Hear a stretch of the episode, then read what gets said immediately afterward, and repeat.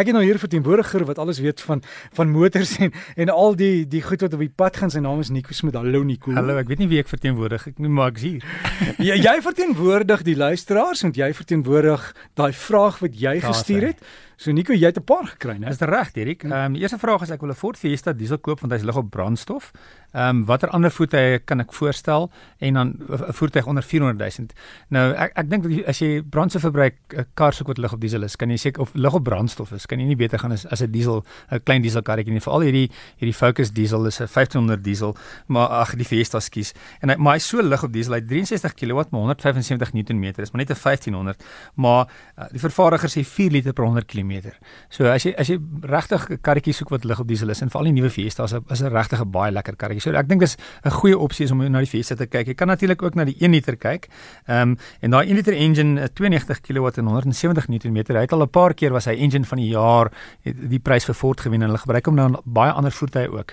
Hy hy hy, hy sal bietjie meer verrigting vir jou gee want hy meer krag, mm -hmm. maar hy gaan nie so lig wees soos op soos nie so lig soos die, soos die diesel nie. Hy sal lig op diesel lig op brandstof wees, lig op petrol, maar as jy brandstofverbruik soek in 'n kar wat lig is op diesel, ehm um, jy gaan nie jy gaan regtig nie beter doen as daai 1500 Fiesta nie. En Fiesta is veral met die, die nuwe die kar is so net 'n jaar en 'n half is die nuwe Fiesta. Hier is regtig 'n baie goeie opsie. Hm. As jy val met die brandstofprys wat deeltyd styg. Ja, dis daar so baie goeders wat wat wat ons almal voel like knyp in die sak en ons kyk almal waar kan ons brandstof bietjie weet geld spaar en in brandstof spaar en dis een ding wat nogal 'n groot verskil maak is as jy weer jou volgende kar koop is om 'n kleiner engine te koop. Alhoewel ek moet sê die vervaardigers het regtig nou klein engines en en gebruik baie meer turbo tegnologie en minder silinders. Jy kan maklik vandag sommer met 'n kar ry met 3 silinders en 'n turbo en jy gaan dit moontlik nie eers weet nie. En ja. as as jy onder 4 die, die vraag is en as ek 400 000 jy kan bietjie bietjie meer geld dan sal ek kyk na iets soos 'n Volkswagen Golf. Golf het 'n 1 liter engine en hulle het 'n 1400 engine en daai engines is regtig altyd baie baie lig. Petrol engines maar baie lig op brandstof. So dit gaan jou ook help, maar weer eens hulle gaan nie naby daai 500 diesel kom nie. Ja, dis waar dat die Volkswagen Golf se naam vandaan kom want die Golf sak pas presies agterin. nee.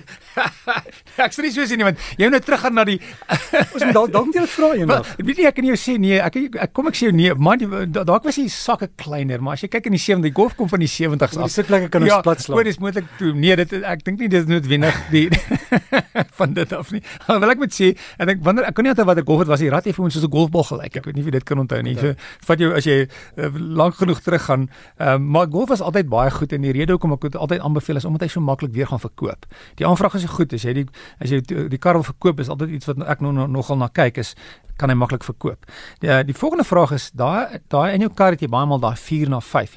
As jy kyk na die instrumentepaneel voor die bestuurder langs jou speedometer, dit is daai elektroniese ehm um, meter wat gewoonlik vir jou sê wat die brandstofverbruik is en hy het gewoonlik ietsie wat hulle noem dit gear shift recommendation. So wat gebeur as jy in 'n in 'n handradkar ry, dan sal jy baie maal sien wag hier's 'n 4 en 'n peltjie na 5 toe, partymal is net 'n peltjie na 5 toe. So wat die kar vir jou sê is, hoor skakel na 5 te rad toe jy gaan dieselfde verrigting kry maar beter brandstof verbruik. So enige as jy gewoonlik meeste nuwe kar wat jy nou koop, het nou al so 'n stelsel in wat vir jou aanbeveel watse rad jy kan gebruik of watse rad jy in moet wees om brandstof te spaar. Nou op 'n meer intrede vlak kar, kom ons sê jy betaal so 100 200 000 rand, is dit gewoonlik iets wat net na die regulasies van die engine kyk. Wanneer jy kyk na karre wat hier by 4 500 000 um, rand is, dan raak die stelsels baie ingewikkeld. Hulle kyk na die las op die engine ook en hoeveel trap jy die petrol in, hoe hard trap jy met ander woorde, het jy eintlik nodig om in daai rad te bly. So hy kyk nie net na die regulasies nie, hy kyk ook na weet, wat is die ander aspekte van van die bestuur, maar hulle werk regtig baie goed. Dis iets wat mense net moet gewoond raak aan want baie mense is gewoond om met 'n kar te ry en die revolusies te gebruik waar hierdie ding ek en ek kan nie mooi in Afrikaans dink vir gear shift recommendation rad aanbeveling. As jy nou 'n rad aanbeveling het, is dit iets wat jy kan volg en as jy sodra jy gewoond raak daaraan, dan sien jy maar eintlik nie nodig om die revolusies van die engine te gebruik nie. As jy regtig wil tegnies raak, as jy byvoorbeeld um, na motortoetse lees, as jy 'n um, kar tydskrif is, is verseker die beste een om te, te koop. As hulle gewoonlik 'n kar toets, dan het hulle wys hulle die die die kragkurwe en die wringkrag, so die die kilowatts en die -hmm. en, en die newtonmeters.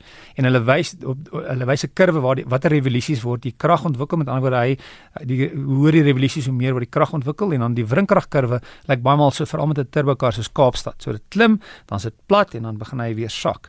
En dit gee dan vir jou aanleiding wanneer jy die ratte kan verander. So as jy na jou kar se se wringkragkurwe kyk, sodra jy by die maksimum wringkrag uh, is of bietjie meer of daai lyn waar die wringkragkurwe en die kragkurwe bymekaar kom is dan 'n goeie punt om jou ratte te verander. So jy het nie regtig nodig met 'n turbokar om enigstens eers verby 3000 revolusies die ratte te verander nie. Baie maal my kar byvoorbeeld met 2000 revolusies kan ek die ratte verander as 'n petrol, maar omdat hy baie wrinkrag het, is dit maklik om te bestuur. Dis maar net baie maal as dit bietjie net om jou bestuurstyl bietjie verander en gewoond raak dat jy nie nodig het om 'n revolusie te gebruik nie. En dit maak 'n klare redelike verskil in brandstofverbruik.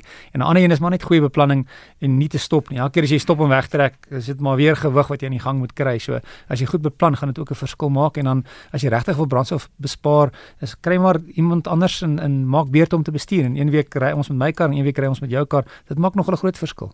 Ja, dis nou as die motors verstil, jy weet nie of die revolusie so hoog nie. Dis die ding, dis dis presies dit Dirk. Mens ry en en, en jy jy omdat jy nie meer die engine hoor soos vroeër nie, so stil is, is jy ook nog baie maal geneig om langer in 'n rat te ry as wat jy nodig het om te doen. Natuurlik outomatiese kar is baie lekker aan die ratkas. As jy 'n outomatiese kar ry, jy sien hulle skakel so gou as moontlik hmm. na so laag rad as moontlik. So outomatiese kar en minder minder en minder sien mens ander karre. Hoor, meeste mense wat as hulle nou 'n kar soek, soek hulle outomaties en veral as jy in verkeer sit en en brandstof wil bespaar, maak dit nogal 'n verskil. Ja, Nico, en as jy enige vrae het van Nico stuur maar vir my, dan kan ek sommer stuur dbrsg.co.za en iemand het ook gesê oor die elektriese motor nou met die met die krag wat af is, mm -hmm. kan die motor vinnig genoeg laai want jy het laasweek daar gepraat ja. om jou dan op die pad te hou.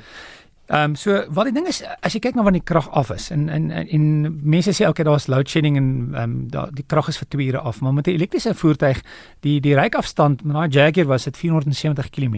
So, so die, as jy dink hoeveel ry jy elke dag? Kom ons sê jy ry 50 km elke dag. Is dit nie nodig nie, maar ook as jy dink daarna soos 'n selfoon as jy by die huis stop skakel jy om dadelik die laaier in die voertuig en dan of die krag af is vir 2 ure of 3 ure, gewoonlik van 12 uur tot 7 uur in die, in die oggend is daar nie load shedding nie. So met ander woorde, daar is genoeg energie in die stelsel om weer krag in die battery te sit. So alhoewel dit nie 'n goeie situasie nou is met krag nie, ehm um, as jy die kar inprop wanneer jy by huis kom, kom ons sê jy 7 uur in die aand klaar en die volgende oggend 7 uur plak uh, haal jy weer die laaier uit, dan het jy redelik genoeg ten minste genoeg vir die dag gelaai. En dit is 470 km so jy gaan nie sommer in een dag jou energie uitdrei nie. En ek weet dis redelik 'n negatiewe ding en dit laat mense veral nou dink oor elektriese karre, maar ek hooplik gaan Eskom al hierdie goeders uitsorteer en en in in toekoms is dit um, iets wat ons definitief meer na kan kyk. Ek weet vervaardigers eh, verseker almal as jy met enige vervaardiger praat, elektriese karre, elektriese karre, elektriese karre. Met ander woorde, ons is gewoonlik bietjie agter in Suid-Afrika. Ehm um, so ek sal sê ten minste so 5 jaar en wat byvoorbeeld in Europa hm. gebeur, maar dis op pad. Dis verseker op pad. Ons en Nico, alles van die beste veilig ry, né? Dankie, lekker naweek. En hou daai revolusies laag, laag verseker.